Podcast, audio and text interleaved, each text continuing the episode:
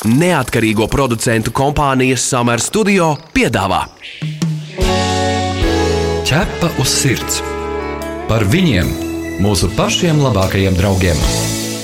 Raidījumu atbalsta Borisa un Ināras Teterevu fonds. Esiet sveicināti, darbie radio klausītāji! Latvijas radio pirmajā kanālā šis ir raidījums ķepa uz sirds. Mani sauc Magnus Eriņš. Mani sauc Inese Kreitsberga. Labdien, labvakar visiem! Man rodas viens jautājums, vai Latvijā beidzot tiks aizliegta suņu turēšana pie ķēdes? Šim jautājumam ķepa uz sirds sako līdzi jau sen, jo mēs regulāri saņemam informāciju par adresēm, kurās suņi tiek turēti pie īsām, īsām ķēdēm, pat bez ūdens un, iedomājieties, arī bez ēdiena bļodas. Jā, mēs pat veicām kampaņu Sarausim ķēdes, kur aicinājām ziņot par vietām, kur suņi atrodas necilvēciskos apstākļos. Un šokējoši bija tas, ka mums ziņoja, ka pie ķēdes tiek turēti arī mazi sunīši, takši un pat mopsis. Pētot Skandināvijas un Šveices praksi, jāatzīst, ka dzīvnieku labturības ziņā Latvija ir, diemžēl, atpalikušas valsts statusā. Nu, ķēdes ir anarhija, un šis jautājums vienkārši beidzot ir jāsakārto. Un prieks, ka šis jautājums beidzot sāk kustēties. Saimas tautsēmniecības agrārās vides un reģionālās politikas komisija sākusi jau skatīt zemkopības ministrijas sagatavoto priekšlikumu par izmaiņām dzīvnieku aizsardzības likumā. Kādas ir šīs izmaiņas un kā realizēsies praksē, to mēs šodien diskutēsim ar mūsu viesiem. Pie mums šodien studijā viesojas Zemkopības ministrijas valsts sekretārs Raivis Kronbergs. Labdien! Labdien! Un dzīvnieku patvērsmes ķepu ķepā vadītāja Gundega Bidere. Esiet sveicināti! Sveiki! Ķepa uz sirds - jautā ekspertam! Raivi, ja drīkst vaicāt, ko reāli paredz plānotās izmaiņas, jo, kā redzam, ķēžu jautājums nav vienīgais, ko virza Zemkopības ministrija kā atbildīgā nozars institūcija. Jā, tieši tā. Šie um, vērienīgie grozījumi dzīvnieku aizsardzības likumā tiešām nav vienīgais jautājums ķēdes suņi, jo mēs atbalstam šo pilsonisko iniciatīvu, arī pievienojamies. Tas ir viens no faktoriem par cietsirdīgu izturēšanos pret maidzīvniekiem.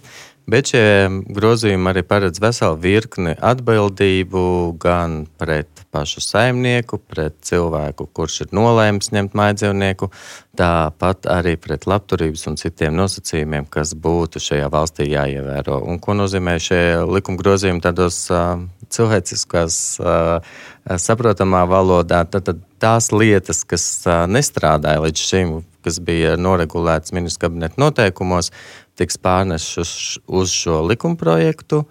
Un likumprojekts nozīmē tātad bargākus sodus, par ko mēs arī saņemam nopēlumu, ka tikai caur sodiem kādu var šajā valstī izaudzināt šīs atbildības, kur arī beidzot būs teikšana gan pašvaldības, gan valsts policijai gan arī lielāka vai lielākas atbildības iesaisti no pašvaldības puses, jo bieži vien šie gadījumi, par ko jūs runājat savos raidījumos un ko mēs redzam citos mēdījos, ka šie notikumi jau nenotiek kaut kur nu, tā vispārīgi Latvijā, tie notiek konkrētā pašvaldībā, konkrētā novadā un tam līdzīgi tā pilsoniskā iniciatīva, par kuru jūs runājat, jūs domājat, to mana balss, kura savāca desmit tūkstošu parakstus, pareizi? Jā, jā, par to mm, cilvēku attieksmi ar, ar ierosinājumu aizliegt suņu turēšanu pie ķēdes.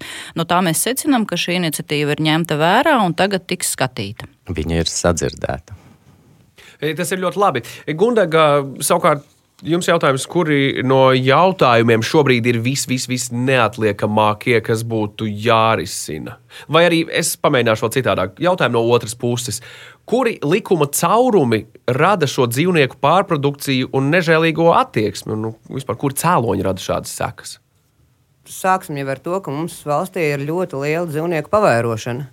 Mums dzīvnieks mūsu valstī nav luksus prece. Uh, bet ir dabūnams uz jebkura ielas stūra. Atverot vaļā sludinājumu portālus, viņi ir pārpildīti ar dažādiem suņiem, ar ciltsrakstiem, bez ciltsrakstiem.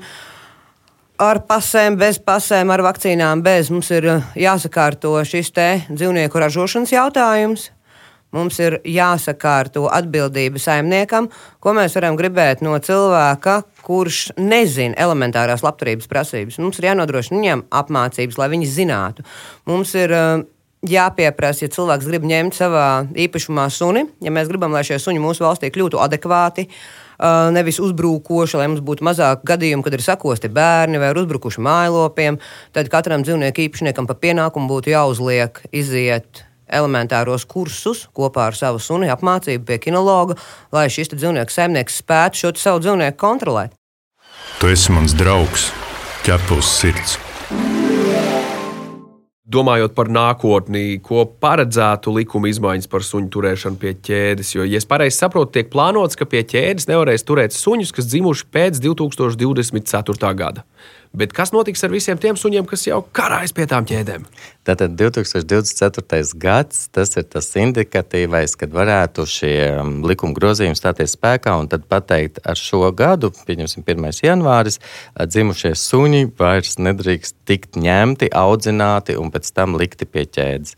Protams, tie suņi, kuri jau ir pieraduši, vai tāds viņiem ir liktenis, ka viņi ir paņemti, tad, kad viņš ir izaudzis par pusaudzi vai lielu suni, un uh, nekur citur viņa nodarbi nevarēja atrast, kā pielikt pie ķēdes. Tie suņi, diemžēl, pie šiem ķēdēm būs jāpabeidz turēt. Nu, iespējams, vēl ir kādi glābjami. Ja? Bet nu, ir kategorijas suņus, kur tiešām nebūs vienkārši palaidām vaļā, jo viņi vienkārši nezinās, kā savādāk uzvesties. Tad, tad būs pārējais posms, bet būs, protams, arī pateikts, ka ar šiem likuma grozījumiem suņus vairs pie ķēdes nevarēs turēt. Tas neiz, neizraisa to ažiotāžu, kad pavadā drīkst, tur sporta kādās sacensībās izmantojot drīkst, tur kamaniņas, vilcēju suņu speciālie drīkst, bet tie nav tipiskie ķēdes suņu turēšana. Bet trakākais ienāks pie kāda sētā pārbaudīt pēc 24. gada, bet tam cilvēkam, kam tas suns pie ķēdes, viņam jau nav nekāda dzimšanas apliecība tam sunim, un tur nevarēs pierādīt, kad viņš ir dzimis. Viņš pateiks, jā, jā, viņš man ir dzimis pirms diviem gadiem, kaut gan ir pielikts tikko pie ķēdes, tikko dzimis. Nu, šajā gadā dzimis, es domāju.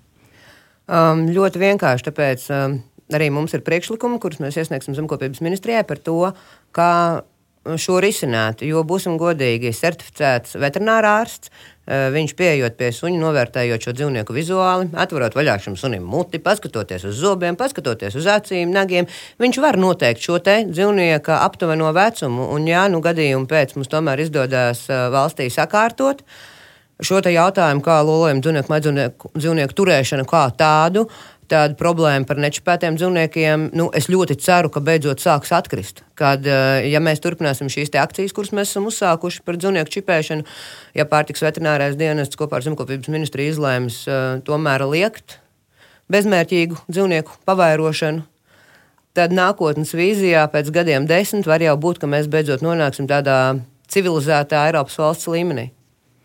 Atgādinām, ka pie mums studijā šodien ir Zemkopības ministrijas valsts sekretārs Raivis Kronbergs un dzīvnieku patvērsmes ķepa ķepā vadītāja Gundaga Bidere. Un mēs diskutējam par to, vai Latvijā beidzot tiks aizliegta suņu turēšana pie ķēdes. Šo radio pārraidi varēsiet dzirdēt arī podkāstu formā visās populārākajās straumēšanas vietnēs, kā arī arhīvu sadaļā mājaslapā www.ķepausirds LV. Ķepa uz sirds, suņu būda! Domājot par skaisto nākotni pēc 2024. gada, kad Latvijā neviens suns vairs nav pie ķēdes, nu, izņemot tie, kurus, diemžēl, nedrīkst vairs atlaist vaļā, jo viņi ne, neprast uzvesties kā kārtīgam sunim pienākas, es gribu saprast, kas tad vispār būs tā institūcija, kas kontrolēs jaunās izmaiņas likumā. Jo tas bija viens no spēcīgākajiem argumentiem diskusijā, kad uh, īstenībā nav jēga šiem likuma papildinājumiem, grozījumiem, jo kurš tad kontrolēs. Uh, bet nu, kontrolas funkcija pavisam cita lieta. Tas nenozīmē, ka nav jāiestrādā likumā labojumi. Bet kā? Kas reāli to var kontrolēt? Tātad kontrolēs uh, šis pārtiks veterinārais dienests uzraudzīs, kontrolēs pašvaldību savā pašvaldībā. Iesaistīta būs gan valsts policija, gan pašvaldības policija. Tāpat dabas pārvalde ir doma, kas uzraudzīs tieši šo dzīvnieku izmantošanu cirka vajadzībām vai tam līdzīgi. Un es ļoti ceru, ka arī šī kontrolējošā funkcija vai, vai uzrauga funkcija uzņemsies ik viens sabiedrības loceklis un par to ziņos. Uh, un sapratīs, ko drīkst un ko nedrīkst ar sunu darīt. Jo man liekas, līdz šim bija tāds no, nostāja, šis ir mans suns, un es ar viņu daru, ko gribu. Nu, diemžēl tā vairs nevarēs, jo šis stingrākais regulējums vai pienākumu un apziņu pārcelšana uz likumu, tas, tas izraisīs jau sekas par to, kā tu attiecies pret savu vai, vai, vai svešu dzīvnieku. Tu biji komentārs kāds? Esošajā situācijā es arī jums nosūtīju dokumentāciju par kontroli. Kur ir kontrolē ropas? Mēs saņēmām izsaukumu no pašvaldības policijas, aizbraucām. Konstatējām to, ka jā, privātā teritorijā ir divi nobadināti suņi. Trešais dzīvnieks ir līķis. To, ka viņš ir līķis, konstatēja pašvaldības policija. Pieaicinot valsts policijas pārstāvis, saimnieks gala rezultātā piekrita, ka mēs šos dzīvniekus labprātīgi uzņemam. Dzīvnieki tika nogādāti veterinārajā klīnikā VET 24 Rīgā, kur arī tika konstatēts to, ka deviņu baļu sistēmā šo dzīvnieku veselības stāvoklis ir viens kas ir ļoti, ļoti slikti īsi pirms nāves. Diemžēl viens no šiem suņiem neizdzīvoja. Viņš bija līķis. Valsts policija, diemžēl, vai par laimi, kā nu jāsaka, šo te nosūtīja pārtiks veterinārajam dienestam. Pārtiks veterinārijas dienas bez jebkādas tālāk ejošas izmeklēšanas, diemžēl lēma to, ka šī būs administratīvā lietvedība. Kaut gan ministra kabineta noteikuma krimināla likuma 230. pants, pirmā daļa paredz, ja dzīvnieks ir gājis bojā, par to iestājās jau krimināla atbildība ar līdz trīs gadiem cietumsots, ja tas ir izdarīts bez mazu bērnu klātbūtnes, ja tas ir izdarīts ar mazu bērnu klātbūtni, tad līdz pieciem gadiem. Šis ir tas rops, par kuru Es arī runāju Tautsveicības komisijas sēdē, pārtiks veterinārijam dienestam trūkst kapacitātes. Labi, tik tālu mēs klausāmies jau no 2018. gada beigām. Uh, bet realitāte ir tāda, ka arī uzrakstot iesniegumus uh, gan pārtiks veterinārijam dienestam, mēs to darām regulāri, uh, gan valsts policijai, viņi nezina, ko ar to visu darīt. Viņi nezina, kā šo situāciju risināt tālāk. Mēs no savas puses reizēm jūtamies kā idioti, kas pakļaujās esošajām likuma prasībām dara visu, bet mēs redzam to, ka stop, mums ir balts uz melna rakstīts, bet realitātē dzīvē tāds nenotiek. Šobrīd eh, es jums pateikšu vēl vienu riebīgo piemēru, eh, kad 2022. Eh, gada 4. augustā mēs nonācām situācijā, kad ir nobadināts zirgs, zirgs ir miris. Valsts policija uzsāka kriminālu lietu, paldies viņiem par to, bet Ja man godīgi jāsaka, ja manā vietā būtu bijis kāds cits cilvēks, parastais mirstīgais, kuram ar šo jomu ir absolūta nulle, nebūtu nekādas krimināllietas, jo par sekciju maksāju es, par līķa transportēšanu uz bioru maksāju es, par to, lai biors vispār pieņemtu šo līķi, organizēju šo visu daļu es. Pēc tam maksāju arī par līķa utilizāciju. Paldies Dievam! Šī ir pirmā krimināla lieta, kas mums ir aizgājusi līdz reālai tiesai 11 gadu laikā. Tātad problēma ir tajā, ka pārtiks veterinārais dienests šos pārkāpumus neuzskata par pietiekami nopietniem, piemēram, krimināllietas ierosināšanai. Problēma ir tajā, ka, lai izmeklētu un lai spētu saskatīt šos pārkāpumus, ir Tas ir jāredz. Aizbraucot uz konkrētu adresi, uh, vakcinēt, čipēt suņus, es redzu, tātad sunim ir nepietiekams ķēdes garums. Ministra kabineta 266. Nav pareizi kaklasīgs, atkal tie paši 266.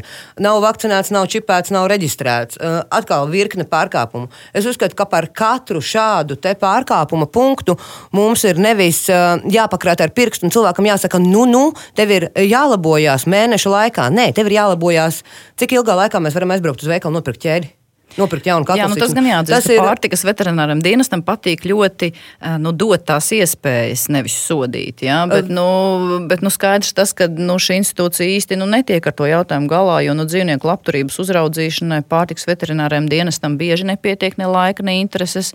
Um, nu, esam sapratuši, ka bieži ir formāla atrakstīšanās, svētās pusdienu pauzes un normētais darba laiks, pēc kura nedod Dievs kāds izdomā šo kantori patraucēt. Man jautājums zemkopības ministrijai, kā jums liekas? Liekas, vai, vai pārtiks veterinārais dienests to savu darbu dara pietiekami, vai tomēr ir kādas funkcijas, kuras nu, varētu viņi citiem deliģēt? Varbūt. Kāds ir jūsu viedoklis? Nu, tad, ja funkcija deleģēšana, es gribētu dzirdēt, kurš šo funkciju būtu gatavs uzņemties, jo valstī bieži vien ir tā, ka šīs funkcijas vienkārši ir kaut kādā veidā iestādes apaudzējušas. Bet par to, vai pārtiks dienestam ir kapacitāte vai nav, es, protams, varu piekrist gan, gan. Bet vismaz tā statistika, kas ir man šī gada laikā, kopš es esmu šajā nozarē, uh, tad nu, ir uzlabojumi. Un ir arī tā statistika par uzliktajiem sodiem, par veiktiem pārkāpumiem un vispārējo. Bet jūs zināt, ka tie uzliktie sodi ir noslēpums. Es kā žurnālists nevaru uzzināt, kāds ir uzliktais sods, jo pārtiks veterinārais dienas šo informāciju neatklāja. No tā es varētu secināt, ka šie sodi ir simboliski. Jo, ja viņi būtu vērienīgi, es domāju, ka nu, neslēptu. Vai tiešām tas tā var būt, ka nedrīkst būt pieejama? Es jau neprasu konkrētam cilvēkam vai adresē, bet pasakiet vismaz, kāds ir bijis konkrētās soda apmērs. To man nesaka. Tas noteikti nevar būt valsts noslēpums. Sodu statistiku noteikti mēs varam iedot. Tad es varu pievērst uzmanību to, lai mēs arī kā, publicētu to iespējams arī pie šī jauna, jaunajiem grozījumiem un pieejas. Bet to, ka mums ir jāstiprina šī uzraudzība, tam es piekrītu. Arī tas, ka šī jaunā likuma grozījumi un vispārējais būs pienākums pārtiks veterināriem dienestam arī pievērst lielāku uzmanību šiem jautājumiem, tas arī ir fakts, tāpat kā visiem iesaistītiem, kas tiks pārnest uz šiem likuma grozījumiem. Jo pētot citu valstu pieredzi, mēs kā ķepus sirds esam bijuši Šveicē, Lielbritānijā, un mēs esam pētījuši šo jautājumu. Tur, šajās valstīs, dzīvnieku labturību konkrētajās adresēs uzrauga dzīvnieku policija, kas pārstāv pašvaldību, nu, jeb konkrētā valstī tas ir kantons vai tā ir municipalitāte. Nu, vai tomēr mums arī šo ceļu nevajadzētu iet, jo nu, tās attīstītās valstis nu, gan jau viņi to dara pareizi. Nu, vai tad mums jāizdomā tas velosipēds no jauna, ir kāpēc mēs nevaram paskatīties, kā dara valstīs, kurās ir šī situācija sakārtota? Nu, nu noteikti, ka mēs varam šo ceļu iet. Es tikai negribētu kad, uh, par to, ka uh, es dzirdu, ka valsts institūcijās sēž, dzer kafiju un neko nedara, un tur ir pusdienas laika, tad uh, neradīt vēl vienu tādu institūciju. Labāk tad izmantojam liederīgi šo resursu vai nofokusējam tos darba uzdevumus un pienākumus, kas kuram ir jāveic ar šo pašvaldības un policijas iesaistīšanu. Es esmu dzirdējis ļoti lielu ap, apņēmību arī pašās uh, pašvaldībās, kuri pat deliģē šādu uz, nevis deliģēs, bet uh, nu, saka, ka tas būs viens no papildus pienākumiem viņu pašvaldības teritorijā šos uzdevumus veikt uzraudzību, un tad nu, roku rokā es ceru, ka tie, tie visi statistikas rādītāji uzlabosies un arī cilvēkiem mainīsies tā, tā attieksme.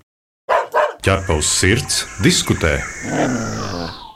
Man bija priekšlikums par to, ka jūs varat taču iekšlietu ministrijai no zemkopības ministrijas atvērt tiešo kanālu un sākt runāt, ka ir vajadzīga tāda zoopolicija, valsts policijas struktūra vienība, kas varētu liet tik galā ar šī visā problēmām. Pagaidām, Gundaga grib iesaistīties, lūdzu.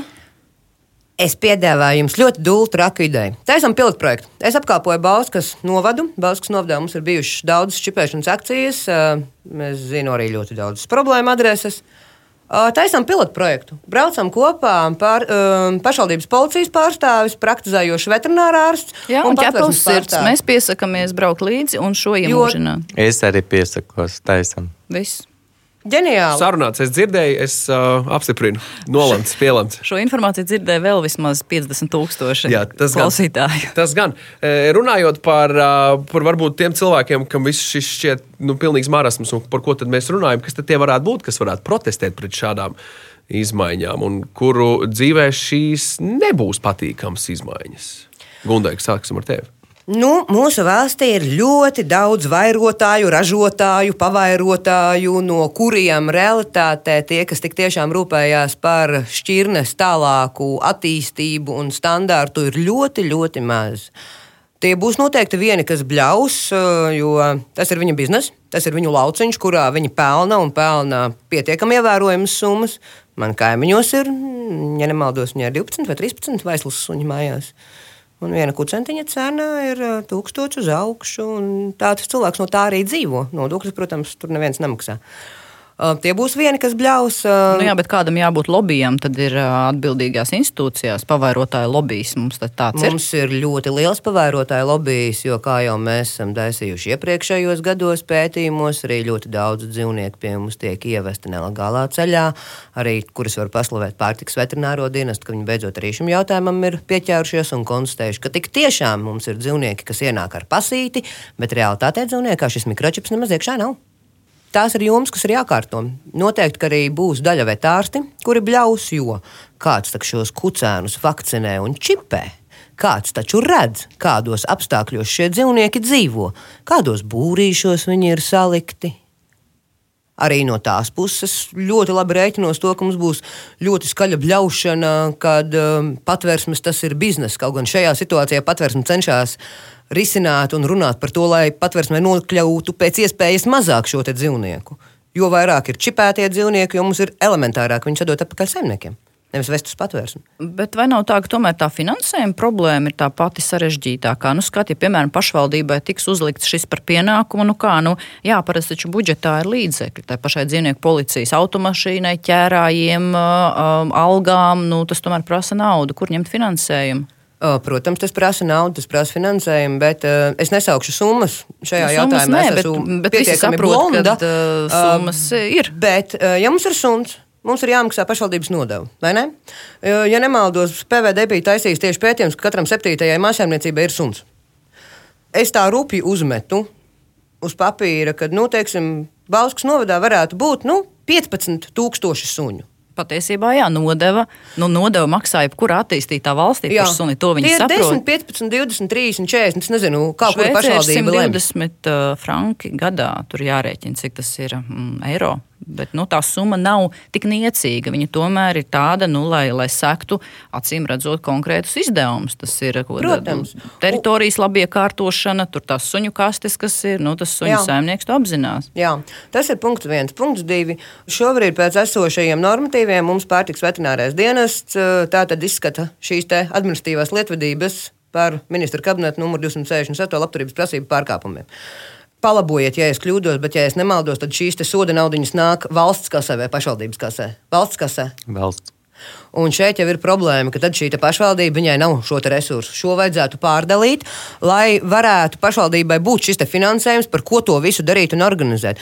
Jo es tiešām varu pateikt milzīgi paldies Balskas pašvaldības policijai, kurā kura nāk no savas puses pretī, kur ir mieru kopā ar mums braukt, kopā ar mums vākt šos te materiālus par suņiem, kur ir netiek ievērot labturības prasības, kur ir mieru, ka mēs braucam, vakcinējam, čipējam šos suņus, kur ir galīgi katastrofāli apstākļi, kur mēs šos dzīvniekus savukārt ņemam ārā bez valsts nodrošinājuma aģentūras iesaistes, tātad bez valsts finansējuma. Vienkārši saimnieks parasta pats aktu, ka viņš ir ar mieru mums šos dzīvniekus sadot. Ja mēs gribam šo jomu sakārtot, tas ir jādeliģē kādam. Es godīgi teikšu, no savas puses, es neticu, ka pārtiks veterinārais dienests spēs aizbraukt uz katru adresi, kurā atrodas dzīvnieks. Nu, fiziski nespēs, viņiem tam nav laika, un es tam piekrītu, ka viņiem ir, ir tomēr arī citas lietas, kas viņiem būtu jādara. Uh, bet ņemot vērā, ka tas šobrīd ir jāuzņemās jādara viņiem, tad mēs no viņiem prasām šo izdarīto darbu, rezultātu, bet rezultāts ir tāds, ka ta- starp citu tajā pašā nelaimīgajā skaistkalnē uh, adresi ēterā nesaukšu, lai nav nekorekti, joprojām ir dzīvnieki. Un es varu pačukstēt, ka vakar uh, tieši PVD mums piezīmēja mūsu vetārstam, ar kuru mēs braucam, pateica, meitenes, no aizbrauciet uz turieni vēlreiz. Nu, tā, ir tā, tā ir tā situācija, kur jau mēs sadarbojamies jau gadiem ar pārtiks veterināro dienestu savstarpēji, kad mēs ziņojam viņiem, viņi ziņo mums. Atpakaļ mums ir šī atgriezeniskā saite ar uh, konkrētiem, varbūt personālajām, kur ir mieru sadarboties un strādāt. Mēs no savas puses jau visu laiku aicinām uz šo sadarbību, jo mērķis jau mums ir viens. Mērķis jau ir sakārtot esošo likumdošanu, kas ir valstī, un labturību dzīvnieku. Kronberga kungs, kā jums liekas, kur to naudu, to finansējumu ņemt, vai um, paņemt kaut ko no pārtiks veterinārā dienesta budžeta, vai meklēt papildus, kā, kā tikt galā ar šādu situāciju? Nu, noteikti tur būs arī jādomā par šo papildus finansējumu gan šīm uzraugošām institūcijām un visam pārējiem. Bet par vienkāršotu nodokļu administrēšanu mēs arī esam vērsušies Finanšu ministrijā, rakstījuši ā, vēstuli, lai Finanšu ministrija kopā ar mums un valsts ieņēmumu dienestu izd- izdomājam vislabāko modeli, lai būtu cilvēki ieinteresēti arī viegli un ātri noreģistrēt savu suni, samaksāt nodevu, tāpat palīdzēt arī šīm legālajām, oficiālām vai šķirņu suņu kaķu audzētāja- audzētājiem, jo arī viņiem ir diezgan liels problēmas ar to, ā, kad ā, viņus šos suņus kad kā izlaiž no savām rokām, viņiem arī tālāk vairs ā, dati pazūd vai vienkārši netiek viņi vēsti tālāk. Gan no šī īpašnieka puses viņš ir iegūst to suni, nopircis un tālāk par viņu rūpējās tā, kā viņš uzskata, jo, kā jau raidījuma sākumā minējāt, ā, civil likums pasaka, kas, ā, ka šis dzīvnieks ir manta, un viņš viņu uzskata kā savu privātu īpašumu un uzskata, ka ā, tā viņa rūpe vai attieksme ir tāda, tāda kāda viņa ir, un tā ir vispareizākā. Tāpēc saku, šie likuma grozījumi. Es ļoti ceru, dos vismaz lielu soli uz priekšu, ja ne mēs visu atrisināsim. Bet es arī piekrītu šim izaicinājumam, uztaisīt vienu otru pilotu projektu, parādīt, kādai būtu jābūt šai attieksmē pret šo mājdzīvnieku, un ejam soli pa soli uz priekšu. Ķepa uz sirds noskaidro. Radījuma noslēgumā runāsim par šī brīža situāciju. Uh, šobrīd tiek uh, meklēts risinājums dzīvnieku pārprodukcijas uh, jautājumā. Kā uzraudzīt, piemēram, šo suņu Tas, turētājus. par ko mēs runājam jā, šo, šajā raidījumā. Bet jautājums tomēr vietā, vai gadījumā nav vieglāk tomēr likumiski padarīt visu iegādes procesu sarežģītāku privātpersonai vai juridiskai personai. Jo beig beigās skaidrs no mūsu pieredzes redzījumā ķepa uz sirds. Mājdzīvnieki nav vajadzīgi visiem. Suns nav vajadzīgs ikvienam Latvijas pilsonim. Varbūt ar to vispār jāsāk ir šī situācija. Varbūt drīzāk Neņem jā- suni. Jā, neņem Neņem suni. suni. Tev to nevajag. Jo šobrīd tāda sajūta, ka mēs runājam par to, kādā veidā uzlabot šo cilvēku dzīves apstākļus, kur ir paņēmuši šo dzīvnieku. Nu, tur noņemiet no ķēdēm. Nu, lai tā ir, bet varbūt sākt ar to, ka tam cilvēkam to suņu iegādes procesu padarīt sarežģītāku. Ja tā ir tāda ideālā pasaule. Bet nu, attīstītās valstis arī to ir atrisinājušas. Šveicē jākārto eksāmenis pirms cilvēks ņem suni. Mēs nevaram. Jebkuram cilvēkam, kurš vēlas iegādāties mājdzīvnieku, ir jāaiziet labturības kursi. Mēs nevaram prasīt no cilvēka, kurš neko nezina par dzīvnieku labturību, lai viņš viņus ievērotu. Un tikai ar papīrīti, tādu pašu kā ķērājam, to droši varētu organizēt Latvijas vetārstu biedrība. Tas būtu ļoti forši un skaisti arī zemkopības ministrijā pakļautā instance, un izdot šādus te labturības prasības. Cilvēks izgāja, un tikai ar šo te dokumentu viņš ir iespējams aizbraukt vai nu uz patvērsni, vai nu uz jebkuru audzētavu un iegādāties dzīvnieku. Bez šī dokumenta viņam dzīvnieku neviens nedod. Tas ir punkts viens, un punkts divi runājot par audzētājiem, kuriem ir grūtības izsekot saviem ma- adotajiem kucēniem tālāk, rakstiet līgumus. Rakstiet stingrus līgumus par dzīvnieku atdošanu. Jums Nemaksājiet kon- skaidrā naudā, bez čekiem, bez, bez kaut kādiem apliecinājumiem. Tas jau arī ir rādītājs. Ja jums. Jā. piedāvā norēķināties skaidrā naudā, nu nekas jau tur apakšā tīrs jau nu tāds nav.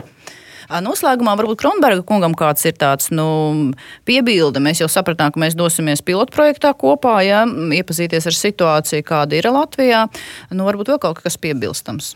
Nu, es piekrītu tam par šīm apmācībām, par šo certifikātu vai, vai dokumentu izdošanu, bet te par to stingro aizliekšanu suni iegādāties.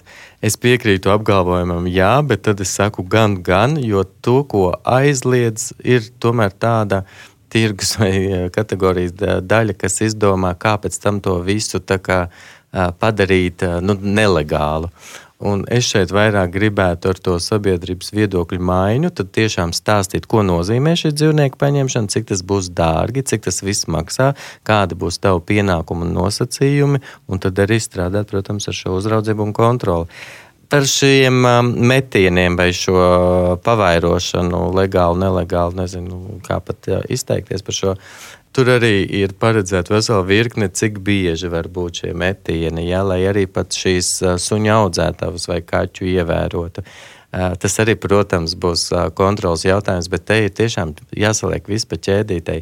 Tik līdz tev ir šie suņi kaķi, viņi ir cik dienās jāreģistrē, jāčipē, uh, jālegalizē, ir jāizdod šis dokuments un tā tālāk. Tā, tā, un tad arī tālāk tā pēcsacība par to pārdošanu un, un, un vispārējo. Nu, tā, tā ir vesela. Es domāju, jūsu raidījumā būs saules mūžs, jo mēs bieži par šiem jautājumiem varēsim Jā, jā, runāt. tāpēc mēs arī šai diskusijai neliekam punktu, bet daudz punktu, un mēs turpināsim nākamajos raidījumos. Bet nu, labā ziņa, ka šis process ir iekustējies, un mēs neapstāsimies. Un es domāju, ka arī atbildīgām institūcijām apstāties nav nekāda pamata. Tas tiesa vienīgā lieta, ko es varu piebilst gadījumā, ja, ja esat parēķinājuši, suns izmaksā diezgan daudz, vienkārši signalizācija gada griezumā krietni, krietni mazāk.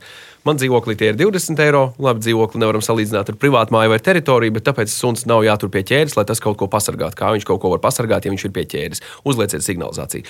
Un tiekamies jau uh, pēc nedēļas. Studijā šodien pie mums bija Zemkopības ministrijas valsts sekretārs Raivis Kronbergs un dzīvnieku patvērsmes ķepa ķepā vadītāja Gundaga Bidere.